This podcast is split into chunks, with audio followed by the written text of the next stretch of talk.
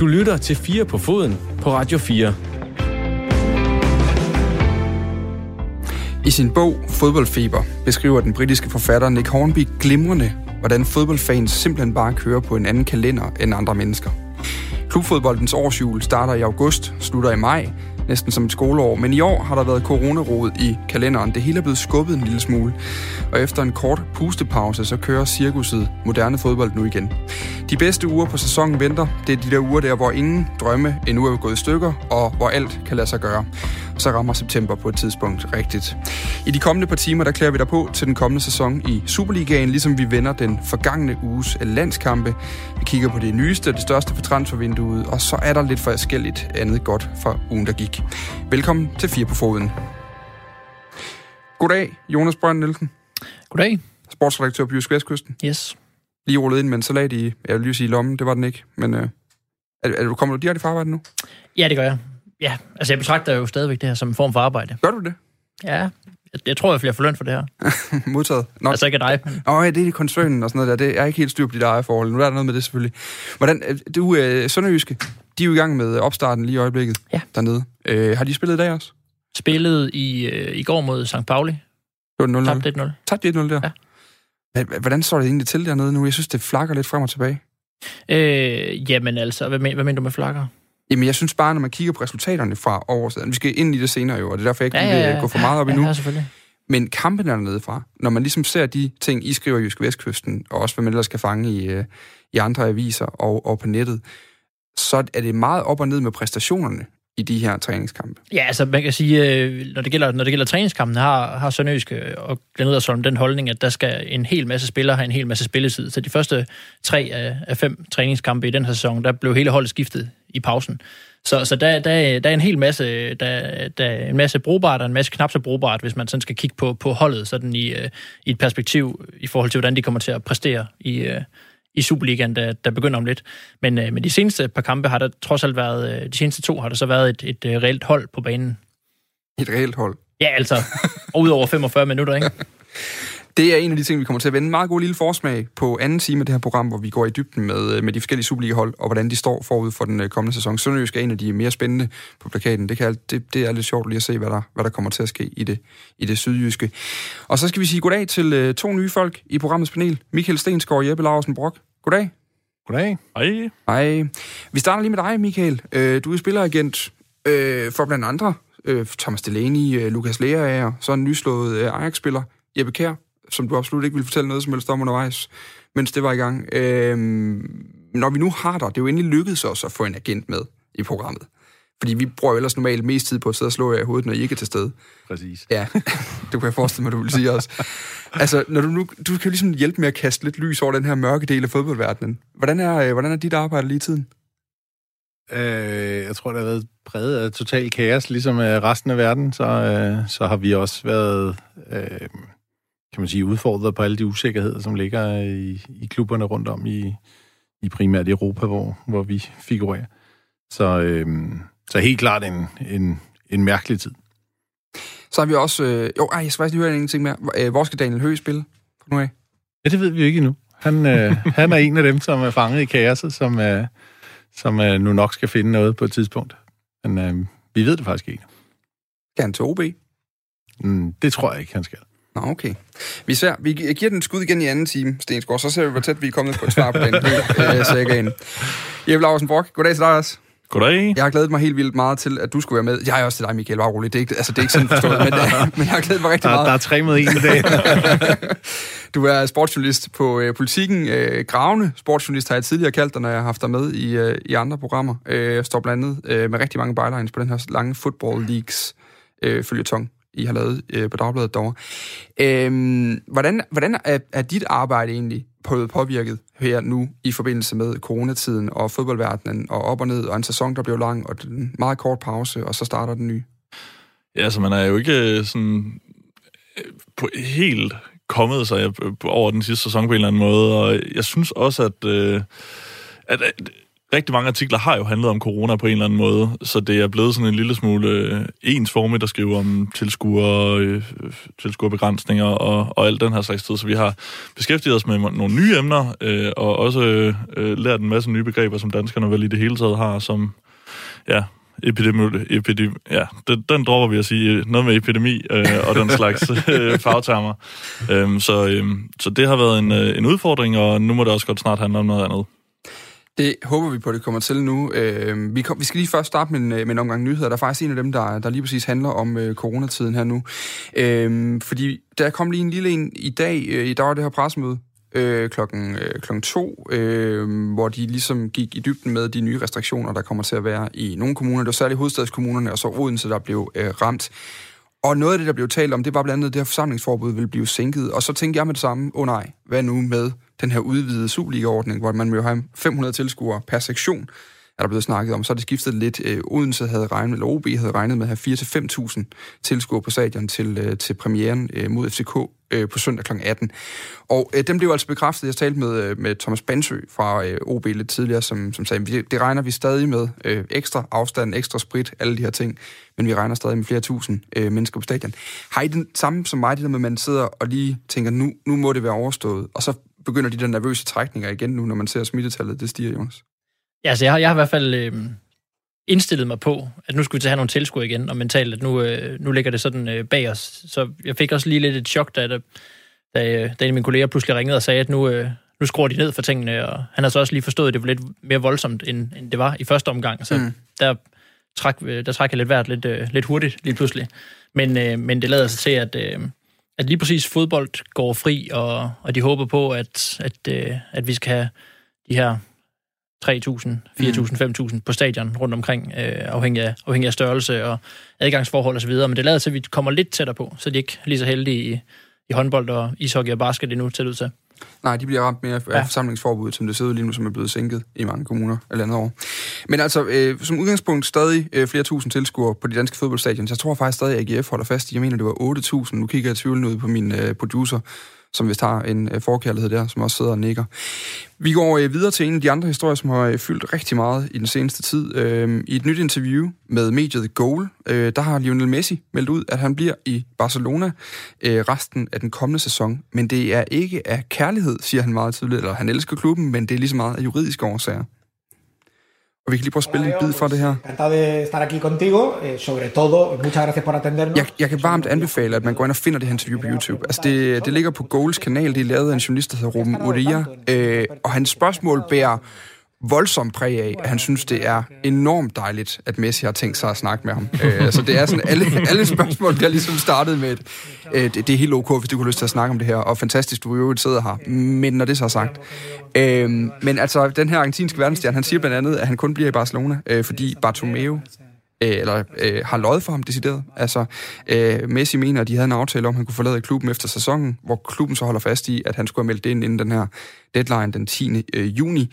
Og der siger Messi til det, det er klart, hvis øh, den her øh, bureaufax, den her meget øh, berømte, det her anbefalede brev, han sendte med opsigelsen i, øh, der siger han, at de siger, at jeg skulle have sagt det før den 10. juni, men jeg gentager, det var ikke tidspunktet at sige det på. Vi var i midten af flere turneringer. Præsidenten sagde altid til mig, at jeg kunne beslutte mig, når sæsonen var slut. Øh, han siger også undervejs Messi, at det aldrig var en mulighed for ham at føre sag mod Barcelona efterfølgende.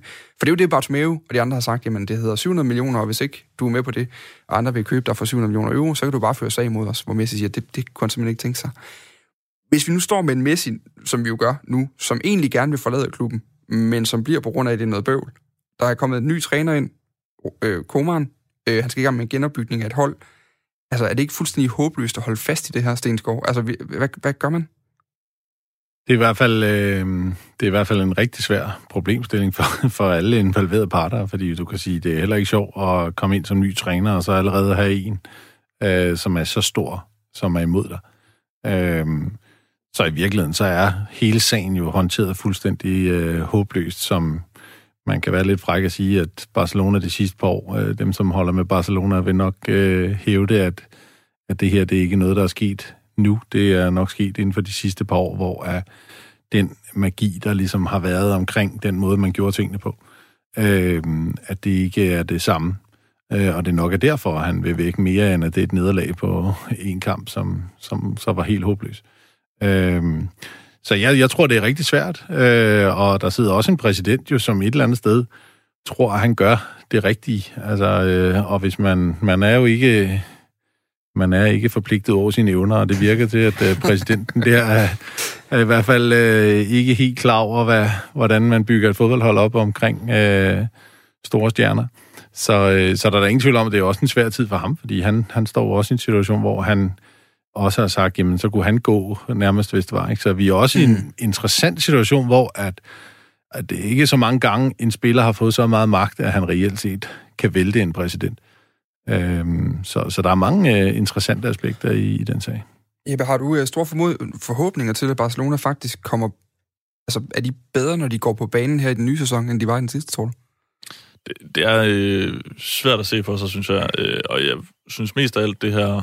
Øh, alt det her palaver omkring Messi lægger op til, at Bartomeu må være, må være fortid. Altså, det, det virker ikke til, at øh, klubben, øh, som ellers er mere end en klub og, og meget stor og rummende, øh, bryster den sig i hvert fald af, øh, det virker ikke til, at den kan rumme begge to, øh, som situationen er lige nu. Og øh, selvom Messi jo siger i det her interview, at han altid vil give alt, han har for, for Barcelona, når han går på banen, øh, trods de her uenigheder, så er det meget let at forestille sig, at det på en eller anden måde vil påvirke ham. Altså motivation er vigtigt øh, mm. for enhver fodboldspiller, øh, særligt når man er oppe i de her 33 år, som han vel efterhånden er. Øhm, og, og han siger jo, at han gerne vil nyde sin fodbold. Han siger, det er jo derfor, han egentlig gerne vil væk. Øh, og dermed siger han jo også, at det gør han ikke, når han går på banen for Barcelona. Og så er han vel næppe nødvendigvis en lige så god spiller. Til gengæld så har han så stort talent, at han skal nok øh, få afgjort en, en 15-20 kampe for Barcelona i næste sæson sikkert også, øh, hvis han kan, kan holde sig skadesfri og ikke får nogle, nogle tynde skader, som man mm. nogle gange ser, når spillere er utilfreds med situationen. Det, og det bliver spændende og se, om han lige pludselig har maveonde og ondt i ryggen, og øh, hvad vi ellers har af forskellige diagnoser der. Øh, igen, jeg vil gerne anbefale, at man går ind og ser det, øh, også øh, på trods af spørgsmålene, fordi, øh, fordi han, han, han har mange svar i løbet af de her 18 minutter, det var, hvor man sidder og tænker, det, det sagde han ikke det der. Jo, mener han helt, holdt op. Han er meget ærlig, og han går øh, utrolig hårdt til øh, Barcelona, som han har været i, i, i mange år efterhånden. Øh, vi runder lige nyhedsblokken med en øh, stærk nyhed herhjemmefra. det danske landsholdsspiller Pernille Harder. Øh, blev sidste uge den øh, dyreste kvindelige fodboldspiller nogensinde, da hun skiftede til øh, Chelsea fra øh, Wolfsburg. Og øh, det er nærmest ikke nødvendigt at gå i dybden med hendes øh, CV i Tyskland. Øh, hun har nærmest vundet, hvad hun kan vinde af både individuelle øh, priser og øh, forholdet øh, af titler. Men hun skal nu forsøge at gentage bedrifterne i øh, Women's Super League i England, som flere mener er verdens bedste liga for kvinder, efter flere af de traditionelle storklubber i herrefodbolden også har investeret massivt i kvindefodbold de senere år. Det sjove ved det her, det er, hun er den dyreste kvindelige fodboldspiller nogensinde. Øh, og men Harder har ifølge DR fået en treårig kontrakt med Chelsea, og ifølge flere medier, tyske medier særligt, øh, som er godt orienteret normalt, der er salgsprisen 330.000 euro, øh, som så er et, mellem 2 og 3 millioner det er jo langt mere sympatiske priser at have med at gøre, må vi bare sige, end når vi nu lige har stået og snakket om Messi til 700 millioner euro. Det, det er det, der til at forholde sig til på alle mulige tænkelige planer. Ja, det er lidt mere, lidt mere jordnært, kan man sige. Det, det er fremragende. Altså, vi siger, hun har allerede fået debut for Chelsea, øh, der spillede uafgjort mod øh, United i går. Hun fik 10 minutter, og den britiske avis uh, The Guardian skrev i deres kampreferat, at hun på de 10 minutter gjorde rigeligt til at bevise, at hun burde have spillet uh, langt mere tid. Så meget for de korte ting. Vi øh, hopper øh, direkte ud i øh, et par kampe. Øh, en, der er spillet, en, der skal spilles, for øh, landsholdet, vi lige skal vinde. Du lytter til Radio 4. Og det var sådan lidt den allerførste gang for øh, Kasper Julemand og, øh, og landsholdet her. Man kunne nærmest have skrevet reaktionerne på forhånd, går jeg ud fra, hvis man sad og lavede aviser, så simpelthen lavede artiklerne klar øh, til den anden side. Nu endte det med et nederlag på 2-0, og det betød jo, at øh, der med det samme dukkede øh, en masse mennesker frem, som mente, at det var gået meget anderledes, hvis bare vi havde beholdt kære Åke. Øh, fordi så var det, øh, hvis ikke det var blevet til en sejr, så var det i hvert fald ikke blevet til et nederlag, og det havde været langt bedre. Vi skal omkring både kampen, øh, lidt omkring turneringen, og ikke mindst øh, den der knælen inden kampen, som også fik en stor del af, af opmærksomheden øh, i diskussionen. Men øh, Sten, skulle jeg egentlig gerne starte med selve kampen. Hvad var det for et, et landshold, du så øh, i forhold til sidste gang, vi så øh, dem i rødt og hvidt? Jamen, øh, jeg synes, de gjorde øh, det, der kunne forventes af dem. De, de spiller mod dem, der ligger nummer et i verden. Øh, Øh, jeg synes, det er bare præg, at, at det, jeg, synes, at jeg synes ikke, der er så mange, der har sagt det, men jeg synes faktisk, altså flere spillerne ser lidt smårusten ud, og det er der ikke noget at sige til. Jeg tror, det er en tendens, der vil komme øh, i weekenden også rundt om. Øh, at lægge en landskamp øh, lige midt i en opstart, hvor folk kommer tilbage fra ferie. Nogen har spillet øh, europæiske kampe i august og sådan noget. Altså, det er bare øh, for, øh, for sådan nogle banedyr som fodboldspillere, som vi talte om, at sige, kalenderen kører der og der, jamen så, øh, så må vi sige, at, at det er jo vendt fuldstændig på hovedet. Øh, så hele den der med, hvordan får man en god opstart, øh, det, er, det, det, det synes jeg, at øh, folk glemmer lidt, når vi skal bedømme øh, holdene i, i, i den situation, fordi der er, det er langt, langt fra den optimale øh, start, der har været. Og når det så er, øh, hvis vi skal slutte den af, så, så kan man sige, ja, Kasper kommer ind, men altså, han har dem øh, fire dage, har talt i telefon med dem, sikkert øh, hen over coronatiden og sådan noget. Det er ikke øh, så lang tid at, at bruge på at sætte sit aftryk på, øh, på en landskamp, især mod dem, der ligger nummer et i verden. Så vi noget aftryk. Var der alligevel noget, der havde ændret sig? Ja, det synes jeg. Jeg synes, øh, jeg synes godt, man kan se presspillet og så videre. Øh, at der var nogle ting, som, som blev gjort øh, anderledes, og det kunne, hvis vi havde været lidt heldige, kunne det måske godt lige have givet en, en kasse eller to. Nu var det jo Mignolet, der stod for Belgien, der kunne man godt tænke, at man kunne presse ham lidt en gang imellem, hvis det Ja, var. det var, det, var, det var nok også det, der var set. Der har Liverpool haft bedre målmand, ikke også, Michael? Jo, præcis. Nå, det havde jeg næsten helt glemt, det er da rigtigt. Men altså, men ud over presspillet, fordi det lagde man hurtigt mærke til, at de, de kørte dem helt ned i Jeppe. Altså, når man sad og kiggede på den her kamp, altså, vi har jo talt, jamen nu der, der er nærmest, der, han har lige udgivet en hel bog om det, øh, fremragende bog, øh, som Morten Lindvad har skrevet, øh, fodboldjournalisten, omkring hans visioner for fodbolden og sådan nogle ting. Altså, er det, er det simpelthen bare øh, mange, mange, mange måneder for tidligt at begynde at snakke om, hvilket aftryk han egentlig kan skabe, eller, eller er der? Eller er det bare øh, eller er nu nogle lidt anderledes landshold, man ser? Nej, det er jo, altså, det er jo en umulig diskussion, øh, diskussion at tage efter en kamp. Hvad han har, noget, noget, han har haft med tre eller fire træninger øh, inden. Øh, så selvfølgelig er det en umulig diskussion at have, men øh, forbandelsen ved at være landstræner er nu engang bare, at vi altså, der er så re- relativt få landskampe, at vi dissekerer alle sammen. Øh, og det, det ved Kasper Julemand også. Det har han jo også udtalt flere gange, at hvis han ikke ønskede presset, så ville han heller ikke være, være landstræner. Så det er han, det er han fuldt ud øh, øh, på bølgelængde med. Det er han klar over. Øh, men, men jeg synes da godt, at man allerede kan se nogle enkelte ting. Altså, som, som Michael nævner, så er der presspil. Det var også noget, øh, jeg bemærkede, at Christian Eriksen selv fremhævede, da han var i, igennem øh, på, på DR i går. Ja. Øh, og at problemet med et større intensitet i presspil lige nu måske netop var, at de simpelthen ikke havde energi til mere end en halvleg. Og det var vel egentlig også det, vi så øh, i kampen, at vi spillede en markant ringere øh, anden halvleg end, end første halvleg. Og så var der jo også bare noget med spillervalget, som var markant. Altså, øh, jeg tror ikke, du havde set Åke stille med øh, Robert Skov på den ene bak, Daniel Vass på den anden bak, og Pierre Emil Højbjerg som den kontrollerende midtbanespiller. Altså, det, det var et mere offensivt udtryk øh, på en eller anden måde, øh, uanset hvad de har fået at vide, så bare valgt af spillertyper øh, udstrålede også noget andet, synes jeg. Og lad os lige blive på bakken et øh, kort øjeblik. Nu gik du godt til bekendelse lige inden vi gik i gang, Jonas Brønd, og, øh, og, og har ikke set den her, du har ikke set hele kampen i hvert fald, men har måttet, øh, har måttet analysere dig øh, ind i den på bagkant, kan man sige. Altså Robert Skov på den ene bak, han starter som højrekant, i, eller ikke starter, men han er højrekant i FCK, spiller en fantastisk sæson, laver rigtig mange mål, ender på venstrebakken i Hoffenheim, og nu har Julemand jo så, det var en af de første udmeldinger, han gav, det var, at han ville øh, dyrke øh, Robert Skov som venstreback, for det var det, der var aftalen nu. Altså, øh, øh det er dejligt, at der er nogle konstanter i fodbold, nemlig at vi mangler en venstreback på landsholdet. Og det gør vi vel også fremover. Ja, men, men, men jeg synes alligevel, det var, altså det er jo noget, som, som mange har, har skrevet lidt efter, at forsøge ham der, fordi han er blevet prøvet der, og har, har, har øh, indimellem øh, gjort det godt på den position i sin klub, så, så, så er det jo frisk at prøve det. Og der er noget mod over det også, trods alt. Ikke? Altså, øh, og, og, og at man så, at man så øh, i en enkelt kamp ikke, øh, ikke lige får det forløst øh, i det offensive, det, øh, det synes jeg ikke skal afholde øh, Kasper Julemand fra at forsøge ham der en gang til. Øh, for det er også, øh, de- at de her moderne backs øh, skal også have noget fart og kunne noget frem i banen. Ikke? Altså, så jeg synes, mm. at det er, jeg synes, at det er et frisk valg. Michael Stensgaard, det mest irriterende ord i moderne fodbold, det er moderne backs, der ikke kan forsvare. Ja, altså, nu er det jo ikke, øh, man får det altid til at lyde, som om det er en, der bare skal forsvare. Det er jo en øh, holdsport, så, øh, så jeg er ret sikker på, at hvis I ser Barcelonas kampe, så er det heller ikke så meget mere, at han løber baglæns. Så fik vi også reference Øh, øh, så ja, hvis det vi synes jeg er rigtig fint. Hvis vi lige tager den, så, øh, så skal vi ikke bare blive enige om, at øh, man har alle fodboldspillere, øh, især i et land som, et, som Danmark, der vil vi nok øh, aldrig nogensinde stå med 11, som er helt perfekte til det hele. Øh, der tror jeg, vi skal op i de lidt større nationer, for at vi mm. kan vælge øh, og vrage.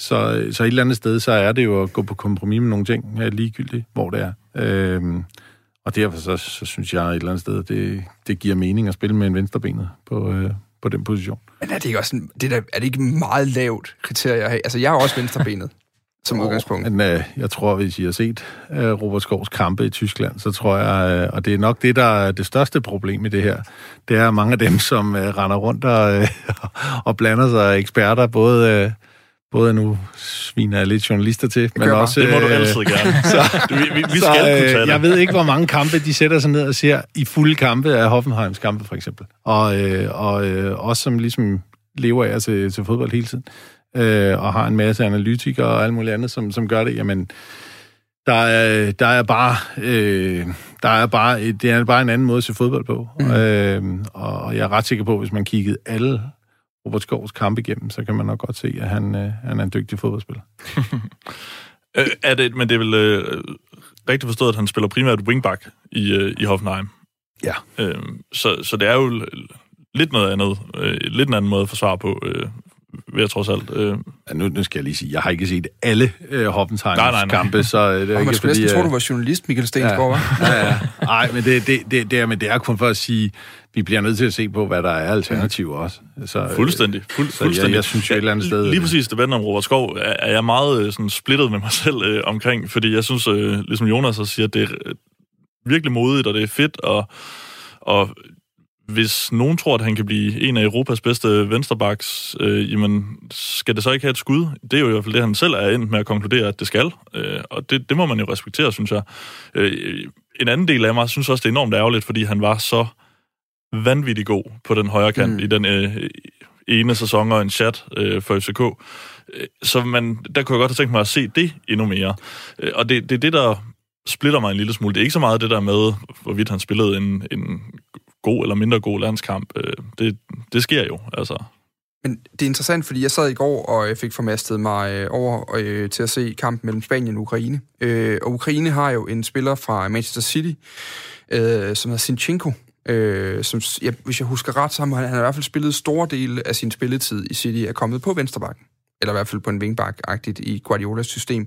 På landsholdet, der spiller han en central midtbane for, ikke at sige en offensiv midtbane der. Det her med, at man at at det, det Julemand lagde meget vægt på med Robert Skov, det var jo at understøtte hans udvikling. At købe ind på projektet, øh, Robert Skov er vensterbak, øh, og så bruge ham der, fordi det er det, klubben ønsker, det er det, Robert selv ønsker, øh, øjensynligt. Men er der ikke noget meget sådan det der med, at man som landshold jo godt kan sige, jamen her der udnytter vi ham der, hvor han er bedst. Det er jo nok det, man må sige, at Shevchenko han vælger at gøre med, øh, med den gode Sinchenko på det ukrainske landshold, Jonas. Jo, men, men hvis, øh, hvis Robert, Skov, Robert Skov så skal øh, fortsætte den her omskoling og, og blive dygtigere på den venstre bak, så virker det også fornuftigt at tænke, at vi i fremtiden skal bruge ham der på landsholdet. Og så må vi jo indtil han så øh, har taget det næste skridt i sin udvikling, hvis det er nødvendigt for ham at, at, at sætte nogle, øh, få nogle flere defensive kompetencer på. Så mm. indtil da, så må vi jo, øh, så, så må vi jo øh, sætte nogle, øh, nogle spillere, der kan dække af for ham. Så må vi jo have nogle hurtige centerforsvar, der kan, der kan dække af bagved, eller en, øh, en defensiv midtbane, der, der er, har et, et blik for at trække ud til venstre, når Robert Skov han går frem. Ja. Altså, hvis det er det værd i hvert fald. Ja. Altså, man, man kan jo også bare vælge at sige, at Robert Skov ikke er moden til venstre bak lige nu, og han først skal spille det om et halvt år. Altså, det, en, en landstræner skal vel så vidt muligt... Øh, altså, jeg, jeg køber ikke helt ind på den der præmis om, at det er hans, øh, altså Kasper Julemands opgave at udvikle Robert Skov. Det er måske hans øh, daglige virke, men selvfølgelig skal han, hvis han skal fungere som venstre bak på landshold, på et eller andet tidspunkt spilles ind i den rolle. Øh, men om det skal være nu, eller om et halvt år, når han er mere øh, komfortabel i den... Øh, øh, ja, Mm. med de opgaver, det, det, det synes jeg godt, man kan diskutere. Øh, men altså, når de så forsvarer anderledes på landsholdet, end de gør på Hoffenheim, så skal han jo lære at forsvare på landsholdsmøde på et eller andet tidspunkt. Så jeg, jeg synes, det er en svær diskussion, den der. Øh, Sten, skal du få lov til at runde den af med dit skarpe analytiske blik, for vi skal ind på noget mere principielt og politisk omkring det her øh, landshold. Men, øh, men skal landsholdet agere sådan lidt en, øh, ej, det var skræmt sagt, men sådan en DBU-fodboldskole for klubberne, eller skal det være et øh, landshold, hvor man bruger spillerne der, hvor man ved, de er bedst? Altså, øh, det tror jeg, at det vores landstræner skal afgøre. Øh, og jeg er helt sikker på, hvis I, øh, hvis I kender Kasper, så øh, spiller han altså ikke for at udvikle nogen som helst. Øh, han spiller dem, fordi han tror, at øh, det kan gøre gavn. Og Mm. øh, jeg er helt sikker på, at han sætter ikke nogen på for at bare udvikle den spiller. Han sætter den spiller på, og det er ligegyldigt, hvem det er. Så kan vi være helt sikre på, at han i hvert fald øh, har en tro på, at hvis han sætter ham ind og spille på det tidspunkt, jamen så har han en forhåbning om, at det bliver bedre, når man skal til en slutrunde, for eksempel. Men hvad vil du foretrække? Altså, hvad vil du foretrække helt ærligt? Fordi øh, det præmissen i programmet her er jo lidt, at jeg spørger ind til, hvad I synes, og så vil jeg gerne høre, hvad I synes også. Altså, fordi jeg er sikker på, at Kasper har en stærk mening om det. Men hvad tænker du? Altså, skal, man ikke, skal landsholdet være det sted, hvor man udnytter spillerne der, hvor man får det maksimalt ud af spillerne, eller skal man ligesom være den her øh, støttende faktor omkring en spillerudvikling eller en proces? Jamen, jeg tror ikke, jeg tror ikke Kasper kun vil gøre det på en, en støttende proces. Det tror jeg simpelthen ikke på. Jeg tror, han vil, vil uh, han gør det kun, hvis han, han kan se det kigge i mening, at man kan vinde. Jeg kan også sige, der var jo ikke så mange andre venstrebacks i, i, i truppen, som på en eller anden måde øh, udstråler han i hvert fald en tillid til, øh, at Robert Skov er den rigtige løsning øh, på den position. Mm. Der var en lille, der var en enkelt udtalelse, som, som ærede mig lidt, fordi at bagefter så blev han også, øh, Kasper Julemand også forholdt Robert, øh, altså at Robert Skov havde problemer øh, til tider i den her kamp, hvor han, hvor han ligesom kom med det her svar om, at han også var under udvikling på en eller anden måde. Og det, og det synes jeg jo er ærgerligt, fordi det, det synes jeg ikke er landsholdets opgave. Altså, det er ikke et, et udviklingssted. Der stiller vi det bedste hold hele tiden. Og, og det tror jeg tror som også, som Michael øh, siger, at, at når han stiller med Robert Skov, så tror jeg også på, at han mener, at Robert Skov er det rigtige valg. Øh, så synes jeg bare også, at han øh, lidt fraskærer sig muligheden for at bruge øh, udviklingsforklaringen. Ja. Nå, men det, prøv at, det, en træner har da... Selvfølgelig skal man da udvikle. Altså, du spiller jo med en spiller, for at udvikle holdet. Altså, du træner, så hver en, enkelt kamp, du spiller, spiller du for at, at gøre holdet bedre. Mm. Ellers kunne vi lige så godt, altså, så kunne vi lige så godt trække lod, ikke? Så, så et eller andet sted, så, øh, så spiller man jo for at blive bedre. Jeg er helt sikker på, at alt det Kasper gør, det er fordi, at han vil have det stærkeste mulige hold til, til en slutrunde, for eksempel. Og så kvalificere sig selvfølgelig. Men, ja. er det ikke, men lad os nu tage en anden spiller, der er blevet talt... Nu, nu kommer jeg alligevel til at køre lidt videre på den. Men, men lad os nu tage en anden spiller, der er blevet talt rigtig meget om. Måske den, den, der er blevet udladt, som der har været mest debat om, det er Kasper Højer fra AGF, som står som en, øh, en fuldvoksen venstreback, der måske har været Jamen, han har vel nok været en af de bedste spillere i Superligaen den forgangne sæson. I hvert fald en af de mest afgørende spillere.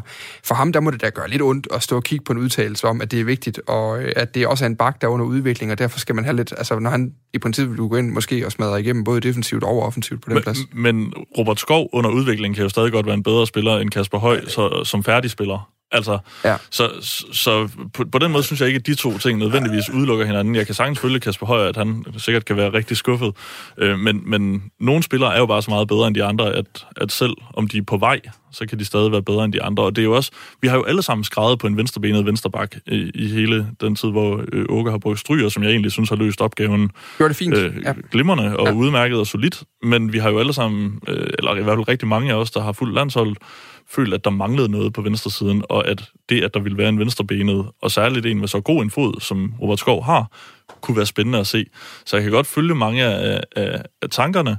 Øhm, og hvis Kasper Julemand i sidste ende har vurderet, at Robert Skov er, er bedst mm. muligt, jamen så må det jo så være sådan. Øh, så, så, så synes jeg bare ikke, at... Øh, så synes jeg bare, at man skal, skal sige det, i stedet for at sige, at øh, man er i gang med at, at, at udvikle ham. Men altså...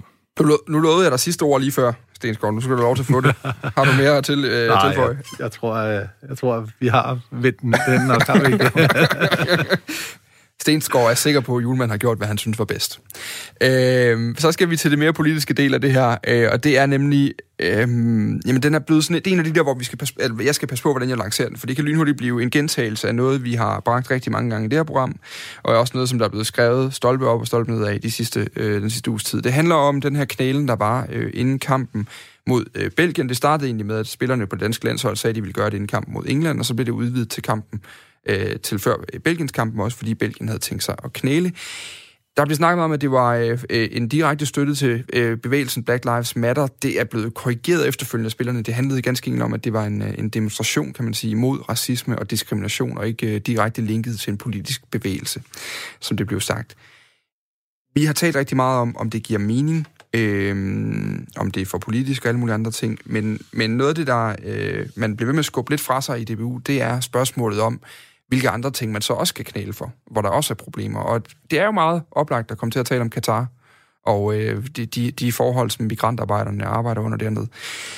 Jonas Brønd, øh, ser det her helt skidt ud, hvis der ikke også kommer en eller anden form for spillerprotest mod de forhold, der er i Katar nu, eller skal det ses isoleret? Jeg synes, den er, jeg synes, den er svær, og jeg kan godt forstå, at det er naturligt at bringe det ene, bringe det ene ind. På den ene side kan jeg sagtens forstå, at, øh, at de her spillere, de agerer, som de gør i den her situation, altså at landsholdet gør. Jeg køber ikke den her med, at, at man, kan ikke, man kan ikke knæle på den måde lige nu, og så sige, at det ikke handler om Black Lives Matter-bevægelsen. Altså det, det, det, det er simpelthen... Øh, det, det vil sådan lidt... Øh, den, den, er, den køber jeg ikke. Øhm, jeg forstår godt, at de, at de vil støtte op om, om den her øh, debat lige i øjeblikket. Det havde også set mærkeligt ud, og hvis man, hvis man havde nægtet at gøre det her, der sidder et hold på den anden side, der, der knæler inden. Ikke? Øhm, jeg savner også, det har jeg også sagt før, at der er nogle spillere, der tager lidt, øh, lidt ansvar til den her, øh, den her rolle som, øh, som, øh, som forbilleder og idoler, som simpelthen bare følger med det her med at, være, med, med, med at være fodbold, at de tager den lidt på sig og, og øh, opponerer og gør lidt oprør. Det er lidt noget andet med den her, altså den her Katar-ting er så stor og så, og så betændt, at, at, øh, at jeg synes, øh, jeg synes godt, man kan måske betragte det her som i hvert fald en slags, øh, ja, jeg kan godt se det som måske en slags øh, første, første skridt. Mm. Uden at jeg dog tror, der kommer til at være det store oprør fra spillerside mod øh, Katar. Men er, er der forskel på tingene reelt set, Jeppe og Michael? Ja, det, det mener der er. Altså, Katar er jo blevet øh, påtvunget dem øh, af FIFA, kan du sige, øh, af nogle øh, korrupte fodboldpolitikere i, i FIFA. Øhm, men når det er sagt, så, øh, så kunne jeg også godt tænke mig at se øh, de her politiske tilkendegivelser, eller hvad man vil kalde dem. Øh, ikke engang nødvendigvis politiske, altså det er jo øh, egentlig bare medmenneskelige langt hen ad vejen. Altså det er jo imod noget, som vi alle sammen øh, øh, kan og bør være imod, de protesterer. Altså jeg, på den måde er det ikke synderligt øh, politisk mere, end det er, er medmenneskeligt, mener jeg. Mm. Øhm, men der sker jo åbenlyst også nogle ting i Katar, som vi som danskere ikke vil kunne stå indenfor. Og jeg vil da jeg vil, et drømmescenarie for mig vil da være, at hvis ikke man boykotter det, så det tror jeg vil være utopi at tro, øh, at i hvert fald at Danmark skulle gøre alene, så skulle man gå mange lande øh, sammen om det. Ja. Øhm, men hvis ikke man gør det, jamen, så ville det da være smukt, hvis uh, Simon Kjær eller hvilken anden fører vi måtte have til den tid spillet med et regnbuearmbånd, eller at uh, de havde regnbue snørbånd i, i skoene. Altså, at der kom nogle markeringer af, at vi synes, at der er nogle ting, der er forkerte.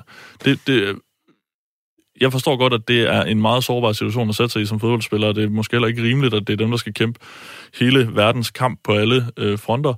Men, men hvis man er virkelig meget i, imod noget, så synes jeg også, det er fedt, at de bruger den platform, som de nu engang har, mm. til at vise det. Men, men øh, Michael, du er den eneste af os, der faktisk reelt har været professionel fodboldspiller nogensinde, og stået i, øh, i den her situation på en fodboldbane. Altså, øh, om, og i hvert fald, at du ved ikke, om du har stået og tænkt, nu skal jeg lave en demonstration for et eller andet, eller imod et eller andet. Men, men hele konceptet i, at der jo så, det leder ind i en snak, der hedder, må, må spillere være politiske, og må polit, politikken blive trukket med ind på grøntsværen i det hele taget. Altså, mm hvor der ligesom er den lejr, der siger, at man skal holde det fra hinanden. Fodbold er ikke politik, og, og man har en idé om, at, at de ting skal ikke blandes sammen. Det kan godt virke underligt, fordi tingene er jo blandet sammen. Det mm. er tydeligt for mange. Jeg kan godt nogle gange tænke, at det ikke, er det ikke nemmere bare at slippe gækken løs? Altså, så lad dem gøre alt, hvad de vil, og så er markedet vel godt nok til at justere øh, efter at spillere, der, øh, der har kommer med ærgerlige udmeldinger på en fodboldbane. De bliver ikke solgt til de så høje penge. Jo, jeg, jeg, jeg, jeg tror simpelthen, det, det er en svær balance at være i som fodboldspiller, og derfor så kan det også godt øh, være sådan lidt, hvis landsholdet knælede, jamen så er der nogen, der vil sidde og sige, hvad, hvad laver I? Altså, øh, det, vi skal ikke blande politik, og hvis de ikke havde valgt at knæle, så var der også en masse, som har sagt, hvorfor tager I ikke jeres, jeres øh, sådan ansvar alvorligt? Øhm, så det, jeg synes, jeg synes, det er svært, men jeg synes, jeg synes øh, altså, hvis spillere skal gøre det, så må man jo gøre det fuldt ud. Og, og der må vi jo også erkende, at rigtig, rigtig mange fodboldspillere rundt om i verden, jamen, de lukker øjnene, og så tager de pengene. Altså, øh, og, og siger, jamen, jeg kan godt spille i en klub, som gør et eller andet. Jeg kan godt spille i en kinesisk klub og gøre et eller andet, så længe der bare tjekker, jeg ved ikke, mange millioner, millioner. netto ind. Nå, men det, det er jo... Prøv, jeg synes, jeg synes, det er jo noget, så, så, så det er jo op til hver enkelt spiller og jeg, jeg ville da ønske, at der var flere spillere, som reelt set så brugte deres egen sociale platform til rent faktisk at gøre en forskel. Og ikke bare tage en t-shirt på, og så gøre det, fordi det, det, det betyder jo ikke noget. Men, altså, men, men, men i sidste ende, så er det, de har størst impact. Det vil, altså, hvis du sanger og gerne vil gøre noget, så gør du det mm. fra scenen af. Hvis man var radiovært og ikke ansat hos en uh, licensbetalt virksomhed, så kunne man måske tillade sig at, uh, at lufte holdninger til det ene eller andet og tredje i radioen. Og så er det den platform, man bruger. Spillernes ja, det, platform, det, det, er jo på grønnsfæren. Jamen, det er der, ja, de... men så, så må vi godt, jeg kan da også godt se, at jeg kan da godt forstå, at der er nogen, der synes, det er totalt hyggeligt, så står du og knæler, og så tør du ikke tage regnbuefarvet uh, snørbånd på, når du kommer til Katar, ikke? Fordi der risikerer du altså at blive anholdt, ikke? Øh, så så det, det er jo det der at sige, hvor langt vil du gå for de ting?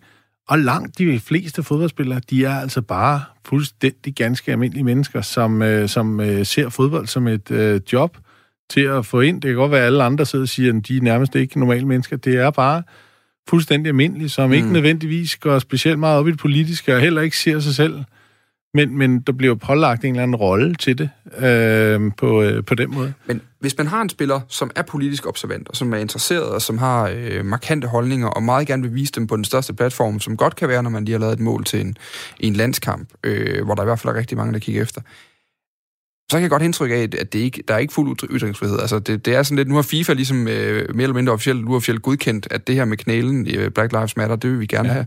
Øh, burde man ikke bare netop sige, jamen, jeg ved godt, vi risikerer at få en Decanio, der lige pludselig står og hejler efter et det, mål. Det er jo det, altså, det, altså det, man skal finde ud af, det er jo også... Eller en helt tyrkisk klub, der støtter et, øh, en invasion i, i, i Syrien. Eksempelvis. Jamen, præcis, så, står, så Sanka har jo også stået med en t-shirt, og jeg er ret sikker på, at det ikke er Sankas øh, holdninger, der, der kommer ud der. Mm. Men han har alligevel skrevet under den klub. Altså, hvis, hvis man kender den historie, så er det jo et eller andet sted, så, så vælger man jo. Altså, det er ikke fordi, det kommer som stor overraskelse, når man skriver under med, med den klub. Så ved man godt, hvad, hvad ledelsen, ejeren og så videre står for. Og der er jo bare at sige, men det er der, hvor man kommer hen, men det er et job, jeg spiller fodbold. Jeg, skal ikke, jeg blander mig ikke i, i de forskellige ting. Men der, der må bare også være nogle af de, af de øh, af de spillere, der er splittet, som du siger, de, de, de er bare mennesker, men der er også mange, øh, også øh, lidt mere almindelige mennesker, lad os kalde os det, som synes, at, at, øh, at nogen burde gøre noget, og at det her det er for galt. De kan jo også godt se, hvad der foregår i Katar. Og der, der, jeg kan godt forstå, at det kræver ekstraordinært mod øh, at, at gå ud og være den første, som, øh, som taler imod de her ting. Men der må også bare være nogen, der tænker der, at når, når de ved, at de har den platform, som, som, som øh, jeg forestiller mig bare, at der er nogen, der må have lyst til at bruge den platform til at tale imod de her ting, men, men øh, Ja, men... men ikke tør, og det kan jeg egentlig godt forstå, øh, at man ikke tør være den første. Men er det bedste spørgsmål egentlig dybest set, om man må bruge platformen, hvis man nu har lyst? Fordi vi kan alle sammen, altså der er ikke nogen, der skal, det er jo ikke sådan en meningstyrani, hvor man skal mene noget, og have en holdning til det hele, hvis ikke man reelt ikke kan opdrive den i sig selv, men bare gerne vil spille fodbold. Det er jo fair nok. Men hvis man har meningen, og gerne vil gøre en ting, er, er fodboldarenaen så overhovedet en arena for, for holdninger i dag? Jeg kan jo aldrig i hvert fald forhindre folk i at gøre det. Man kan se, altså, Colin Kaepernick, han, kommer, han slapper heller ikke heldigt sted med at gøre det der. Igen bagefter, Nej, det er jo det, men han har gjort en, en forskel ja. øh, andre steder end på banen. Jeppe? Altså, jeg, øh, jeg synes egentlig også, der er ved at ske et skred. Altså, der er flere og flere, øh, eller i hvert fald mere markante spillere, som kommer mere tydeligt ud med deres budskab. Måske bedst øh, eksemplificeret ved Lukaku og Sterling og øh, Marcus Rashford, øh, som netop bruger blandt andet deres sociale medier til at drive en bevægelse øh, mod racisme øh, og, og, og mod ulighed og urimelighed. Øh, fodbolden er også enormt vanskelig på den måde, at der er så mange interesser på spil i fodboldens verden, at, at det er svært helt at undgå noget, som nogen kan se som hyggeleri.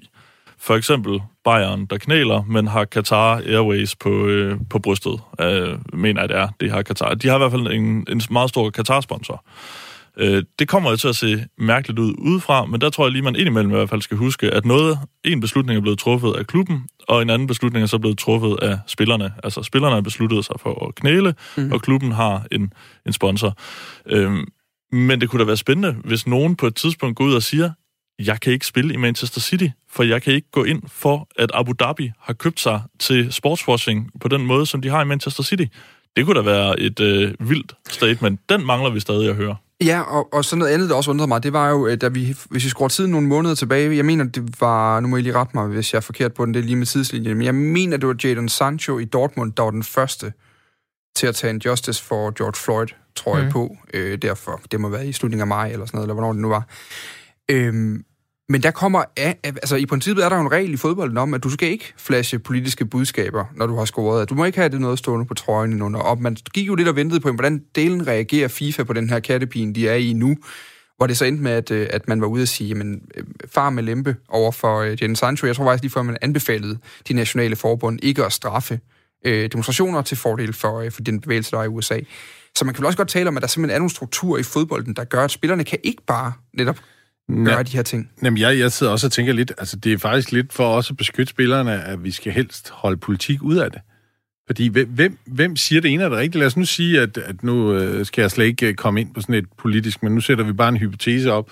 Altså, man finder ud af, at de øh, dybt kriminelle, dem der står bag Black Lives Matter, og det er selvfølgelig også derfor, at DBU og alle mulige begynder at komme ud og sige, at ah, det er ikke den, vi støtter, det er bare sådan generelt... Øh, øh, altså prøv at vi, vi kan jo risikere, at vi skal lave en uh, helt due diligence, før vi, uh, vi gør noget. uh, så, men, så men det er ikke anderledes end ellers andre, Michael. Nej, nej, men, men, men det er derfor, jeg siger, der synes jeg, at det er op til hver enkelt spiller. Så derfor synes jeg, at det er sådan lidt mærkeligt at stå og knæle ind i parken, og så render der slaver rundt til, hvor vi skal til en slutrunde.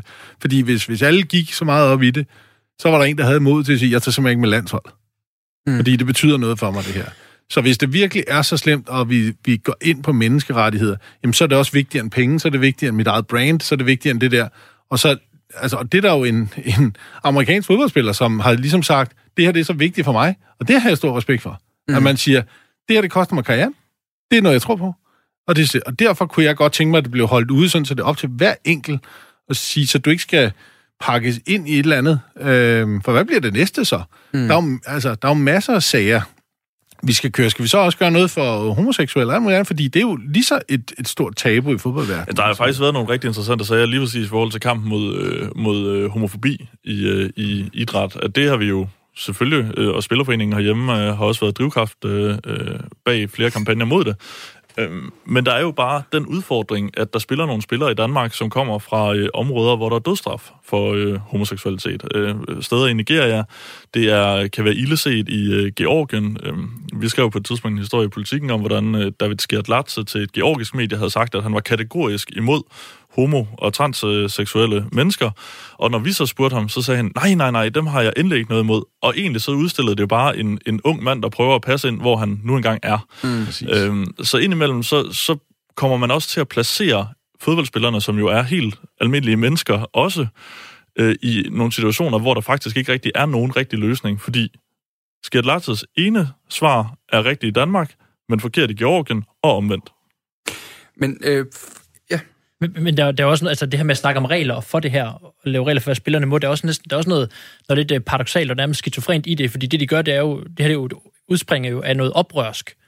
Altså at, at, at, gå, og, mm. at gå, gå imod reglerne lidt og gøre noget, men, men man ikke må. Altså, hvordan skal man lave regler for det? Hvordan man skal bare fjerne reglerne. Man skal gøre det... Altså, altså, hvis man, man kan starte med at fjerne den der trøjeregel. Altså starte med at sige, du må have alle de politiske budskaber på, øh, som du gerne vil. Hvis hvad, du, hvad så, hvad så, hvis, hvis, hvis du laver en dekanjo, så er der en chance for, at den anden klub ikke vil købe dig. Hvad, hvad så, hvis det er, altså, hvis du støder nogen? Du skal jo ikke støde de fans, du skal jo ikke støde nogen andre. Er det altså, ikke bare en risiko i livet, Michael, at man kan komme til at støde mennesker, og folk, der har mange mennesker, der kigger, de kan støde flere mennesker? Jo, det er rigtigt. Men, men altså, vi må gerne sige, hvad vi har lyst til, men man må også gerne tage hensyn til, mm. til, til folk. Og jeg synes, et eller andet sted, så, øh, så er der altså også mange øh, fodboldspillere, som hvis du tager, nu øh, i Danmark er vi lidt heldigere, men hvis du tager rundt om Europa, så øh, er det altså ikke den akademiske uddannelse, der, der er højst. Så, så alene det at skulle kunne gennemskue hele det her øh, på, hvad det egentlig betyder, jamen det har mange af dem simpelthen ikke forudsætningerne for. Så, så jeg, synes, jeg synes, at dem, der har lyst til at virkelig gå ind for en politisk sag, de må gerne gøre det. Og jeg synes, der skal man have lang snor, så længe det holder sig inden for, øh, for, for gældende øh, normal lovgivning i hvert fald. Mm. Øhm, der synes jeg, man skal have lov til at udtrykke sig, også som menneske, og det skal en fodboldspiller også, så hvis, hvis man går ind og har et emne, og det kan være lige fra altså, homofobi til, til alt muligt andet, jamen så, så, skal man, så skal man gå ind og slås for den, øh, for, for det område. Ja. Øhm, men jeg synes et eller andet sted, vi skal beskytte på banen, fordi ellers så ryger vi ud i sådan en glidebane og siger, nå, men hvis det er, hvis det er inde på midten, så må du gerne øh, smide trøjen, men hvis det, hvis det er ude på nogle af fløjene, så lige pludselig... Nej, det går, det men går er ikke. vi ikke allerede der? Altså, vi er vel allerede der nu, hvor FIFA er gået ud og sagt, hvis du vil demonstrere mod noget, der har med racisme at gøre, så er det alt er fint, super godt, altid også. Men hvis det så lige pludselig handler om, hvad ved jeg, handicappets rettigheder, eller homo- homoseksuelles rettigheder i sport, eller et, hvad, hvad kunne det være, migrantarbejderes rettigheder i Katar, altså, så er det lige pludselig, så vi laver allerede den her kuratering i, hvilke budskaber vi gerne vil have, i stedet for bare at sige, I må det hele. Slut færdig, og så bliver I dømt af det frie marked og alle fansene, hvis I siger noget, de ikke kan lide. Jamen, jeg, jeg er ret sikker på, at øh, min mistanke er der i hvert fald, at øh, FIFAs øh, regler mod politiske budskaber handler lige så meget om at gøre fodbolden så ufarlig som muligt. Altså, øh, jeg tror, for FIFA er det vigtigt at frastøde så få mennesker som muligt for at holde forretningen så stor som muligt. Øh, det er jo nok øh, det, der i sidste ende er grunden til, at man, man prøver det her. Og så kan der så være nogle bieffekter, hvor man rent faktisk får beskyttet nogle spillere, der kan komme i en udsat position og, og ved at komme med nogle, nogle budskaber, eller blive påtvunget nogle budskaber, de ikke nødvendigvis vil være mm. en del af. Øhm, og hvis jeg skal svare mere direkte på dit spørgsmål, om ikke bare man skal give, give, give los, øhm, det, jeg, jeg kunne virkelig godt tænke mig det, altså at se det ske i et halvt år til et år, og se, hvordan det egentlig bliver, fordi der vil jo også komme nogle svære situationer, hvor, ja, det kunne være det kan jo, der stod og hejlede, eller øh, nynazistiske budskaber. Øh, det, det tror jeg nu ikke, at så mange vil komme fordi at, øh, at man formentlig vil blive, blive udstødt. Men, men det, det er jo det, der er svært. klub du er i. Ja, ja, hvis du er i Lazio, så kan det godt være, at det er helt okay at ja. Øh, stå øh, ude af fansen og, og, og hejle. Altså, det, det er virkelig, virkelig svært, men det er jo også et eller andet sted besynderligt, at FIFA nu skal være overdommer over for, hvilke budskaber, der er okay, og hvilke der ikke er. Mm. Og det er præcis den, jeg siger. Det er vel ikke FIFA. Vi kan vel godt, uden at genere nogen, så sige, det er måske ikke moralens vogtere, der sidder der. så, øh, så, så, så, så vi, kan, vi kan vel godt sige, altså, at vi er ude i en verden, hvor uh, FIFA skal bestemme, hvilke politiske budskaber... Altså, jeg synes, det bliver totalt hyklerisk, og jeg vil meget hellere have, at 98 procent af alle fodboldspillere, de rent faktisk havde nogle, nogle områder, de gik ind for, og så mm. gjorde en reel forskel og brugte deres stemme på, øh, på at rent faktisk gøre en forskel, i stedet for bare at lave den fuldstændig symbolsk, som det er. Og øh, fra øh, en ret spændende diskussion om de lyse sider ved fodbolden, i hvert fald til øh, et sted, hvor det godt øh, nogle gange kan blive en lille smule mere dunkelt. Vi skal øh, direkte fra øh, holdninger under fodboldkampe til øh, transfervinduet, skal vi lige kigge lidt på. Du lytter til 4 på foden på Radio 4. Og øh, Jamen, nu har jeg allerede sagt det en gang, og det skal ikke lyde som om, jeg, jeg lyder nærmest som ham der, den spanske reporter, der har fået lov til at snakke med Lionel Messi, øh, Michael Stensgaard, men jeg er jo rigtig glad for, at du er med i dag øh, og det er jo egentlig primært, fordi øh, da jeg talte med dig tidligere, det kan jeg godt løfte sløret for, så ringede vi lidt sammen og sagde, hvad er vi, er vi cool med emnerne i dag, og øh, synes du, det er spændende og sådan noget? Og så sagde du, jamen du havde allerede sat analyseafdelingen i People and Sport til at øh, tjekke det her transfervindue, så vi havde noget at byde ind med øh, senere. Og det er jeg jo rigtig glad for, fordi så kunne jeg jo på den måde kylde det segment ud af min arbejdsblok, øh, og så lade være med at lave research på det område.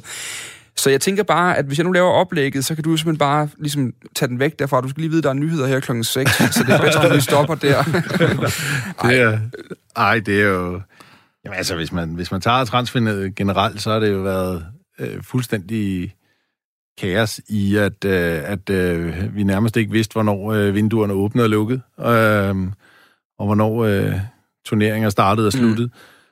Og det har jo gjort, at det hele det har skubbet sig øh, fuldstændig. Øhm, og jeg tror, alle de der rutiner og vaner og så videre, som alle, der arbejder tæt med, med transfervinduet, har haft de sidste, de sidste år, der ved man sådan nogenlunde, hvad der skulle ske, og man vidste, hvornår der blev travlt, og man vidste sådan...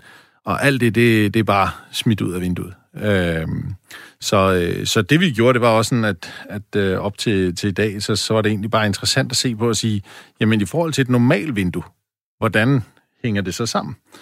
Og der fik jeg da drillet de tre herrer inden uh, med deres journalistik, at, at alle går fuldstændig uh, amok de sidste, især de sidste par dage af vinduet og siger, nu skal vi bare følge, og uh, tv følger det i flere timer, fordi nu skal vinduet lukkes.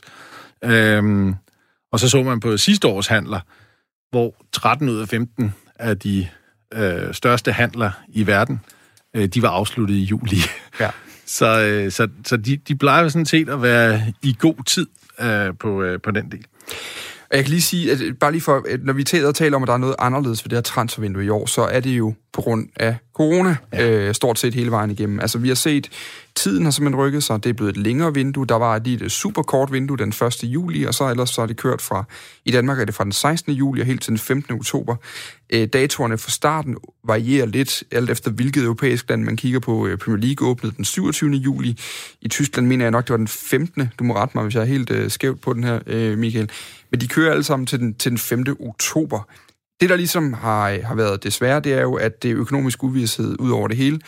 Øh, undtagen i Chelsea, åbenbart. Der er man bare gået fuldstændig balalaika fra start af, og, øh, og havde jo bare noget, der skulle indhentes fra den her transferfri sæson sidste år, hvor man ikke måtte. Det er, det er ret interessant, fordi de har stået for, øh, for øh, 223 øh, af, af 772 øh, millioner euro. En Øh, tredjedel af alt, hvad der er handlet så en, en tredjedel, øh, eller en milliard selvfølgelig er det, ikke? Øh, så, så de har simpelthen stået for, for, øh, for 223 ud af 772 indtil videre i, af, af, sådan, af de fem, øh, af de, de, største, de største handler, der har været. Og det er jo ret interessant. Øh, og det er jo, hvis vi, hvis vi tager de... Øh, øh, så langt som vi, vi er kommet indtil videre, bare på de, de, de, de 15 største handler Ja. indtil videre, øh, så, så er vi jo lige over halvvejs af, hvad vi var, da vinduet lukkede sidste år. Men hvis vi laver koblingen til sidste år og siger, jamen øh, vi har reelt set øh, top 15-handlerne er afsluttet, og her forudsætter jeg, at Messi han også bliver, hvor han er, for ellers så ødelægger tallene nok øh, helt øh, fuldstændig. Øh, men så kommer vi til at ligge langt under Mm. Hvad vi sådan har. Og det er på, det er på de top øh, 15 handler, der plejer. Det er sådan et meget godt udgangspunkt. Mm. Øh, og og det, det er jo der, hvor vi så siger, okay, jamen, kan vi sige, top 15 handler kan jo svinge meget, fordi der er jo ganske få kæmpe handler, som også er med til at skubbe det fuldstændig. Øh, men, men der kigger vi jo så på, øh, hvad der så var af handler i top 5 ligaer, fordi det kan man jo lave fuldstændig. Og der blev handlet for godt og vel 6,5 milliard euro øh, sidste år. Øh, men det var totalt set, da vinduet lukkede. Fuldstændig vanvittigt beløb, Og- man der snakker om. Ja, og indtil videre, så er vi ramt i top 5 ligaerne øh, lidt over 2 mm. milliarder øh, euro. Hvor der så stadigvæk er en måned tilbage. Så er der en måned tilbage. Men ja. hvis vi fortsætter, at top 15-handler og alle de store handler er lavet, og det er der, hvor usikkerheden bliver og siger, hvor meget gang kommer der egentlig i den, og kan vi egentlig nå det? Mm. Og, og, og, og få rigtig gang i den, sådan så vi kommer op af. Og øh, jeg vil sige, nu har jeg spurgt forskellige i løbet af dagen, sådan, og jeg vil sige, der er relativt store divergerende meninger på, hvor højt kommer vi egentlig op. Øh, for det er klart, det er et kæmpe tab, hvis, hvis et eller andet sted, at vi øh, ryger på halvdelen af de handler, der plejer at blive lavet på et helt vindue. Jonas og Jeppe, jeg kan godt som fodboldfan, øh, og øh, nu talte vi også lidt om tidligere, da vi talte sammen, men du skulle i dag med i dag, Jeppe, vi nok har en, en hældning mod det romantiske blik på fodbolden en gang imellem. Så kan jeg godt sidde og synes, at det her det er egentlig ret rart. Altså lige at få lagt en dæmper øh, på transfervinduet. Altså ikke mere en dæmper, end at Chelsea stadig handler for, ja, det må så være små 1,6 milliarder eller sådan noget danske kroner, de har brugt indtil videre. Hva- Hvad, hvordan ser I på det? så en decideret dæmper, når man stadig snakker i de beløb. Altså, det er jo selvfølgelig en dæmper i forhold til, til det normale, men det er jo stadig øh, u- uhørlige øh, beløb. Og jeg, jeg mener også, at jeg har set nogle Deloitte eller sådan noget prøve at fremskrive øh, tendenserne, og, og jeg tror nok, der er enighed om, at det relativt hurtigt vil udjævne sig, når, når vi er måske en dag er på den anden side af corona. Det er så selvfølgelig en, en meget usikker Mm. øh, størrelse at have med at gøre. Øh, så så vi, vi havner nok øh, ja, i den samme tendens, opadgående tendens øh, fremadrettet øh, øh, også. Så på den måde, så, øh, så, så tror jeg mest, det er en krusning i overfladen. Ja, jeg er heller ikke så, så beroliget, sådan den romantiske del af mig. Jeg tror også på, at det nok skal, at det nok skal indfinde sig det normale igen. Og jeg kan også godt blive, øh, blive sådan lidt øh, fartblind af 2 milliarder euro, vil jeg sige. Det er nok til at lige, jeg lige mister besindelsen til at tænke over det egentlig. Øh. Ja. Og, og, og, altså, som fan, fandelen af mig, når jeg kigger på det på den måde, der har jeg egentlig, øh, der prøver jeg egentlig så vidt muligt at, og, øh, ikke at skele til de her beløb. Jeg, kan ikke, jeg synes, det er svært at forholde sig til det alligevel. Jeg synes, det er løbet løbsk alligevel. Så, så hvad, hvad en, en spiller koster, bruger jeg egentlig ikke normalt så meget krudt på. Øh, og, og ja, beskæftiger mig med. Men det er interessant, fordi den skød så ned ret hurtigt, men, men det kan jeg huske, at vi har lavet program her for et par måneder siden, der var der en, der i studiet sagde, at det er en stor en, der åbner op, og vi har et minut og 40 til Henrik Møring, han kommer og leverer en omgang nyheder her klokken helt. Men, men, men øh, vi fortsætter på den anden side af nyhederne, kan jeg godt sige. Altså, øh, men, men noget af det, er, at der var en, der sagde i, i studiet, var, det kan være, det her det er den der øh, økonomiske øh, losing, fodboldklubberne lige får, hvor de finder ud af, jamen, hvad, hvor meget af det her... Er det en spillerboble, der har været i gang i de senere år? Altså værdien er jo simpelthen fløjet i skyerne øh, over de sidste 10-15 år. Øh, særligt dig, Mikkel Stensgaard, at det er ikke der, der er blevet så meget dyrere siden da, men, men, men at, at alle tanker om, at det her det ligesom kunne være en opvågning for den her, øh, det her voldsomme rit, er, det, er de væk? Mm, ja, jeg tror, de, de dyre spillere er stadig dyre. Jeg tror ikke, de spillere, der er skiftet til Chelsea, de tjener meget mindre, end, uh, end uh, de ellers ville have gjort. Øhm, men der er rigtig, rigtig mange på den brede øh, ramme, som, som bliver ramt. Øhm, alene i Belgien, hvis vi bare tager et helt tilfældigt land, så, så regner vi med, at der er en 50-100 færre jobs, end der var sidste år. Og det er klart, når du smider 100 eller bare 50 spillere ud på et marked, og tendensen er det samme i andre lande, så, så presser det jo markedet. Det behøver man ikke være raketforsker for at, at finde ud af. Nej. Øhm, så det er den, det er den, store, øh, den store udfordring lige nu. På den anden side af en omgang nyheder her kl. 6, der taler vi videre om transfervinduet, og så kommer der altså også den øh, helt store øh, optakt, du har brug for, for at kunne øh, sætte dig i sofaen i weekenden og se, øh, se Superliga den kommende øh, sæson. Det er det fire på foden. Jeg har i dag besøg af Jeppe Larsen Brock, Michael Stensgaard og øh, Jonas Brønd. Jeg hedder Dan Grønbæk, og klokken den er blevet 18.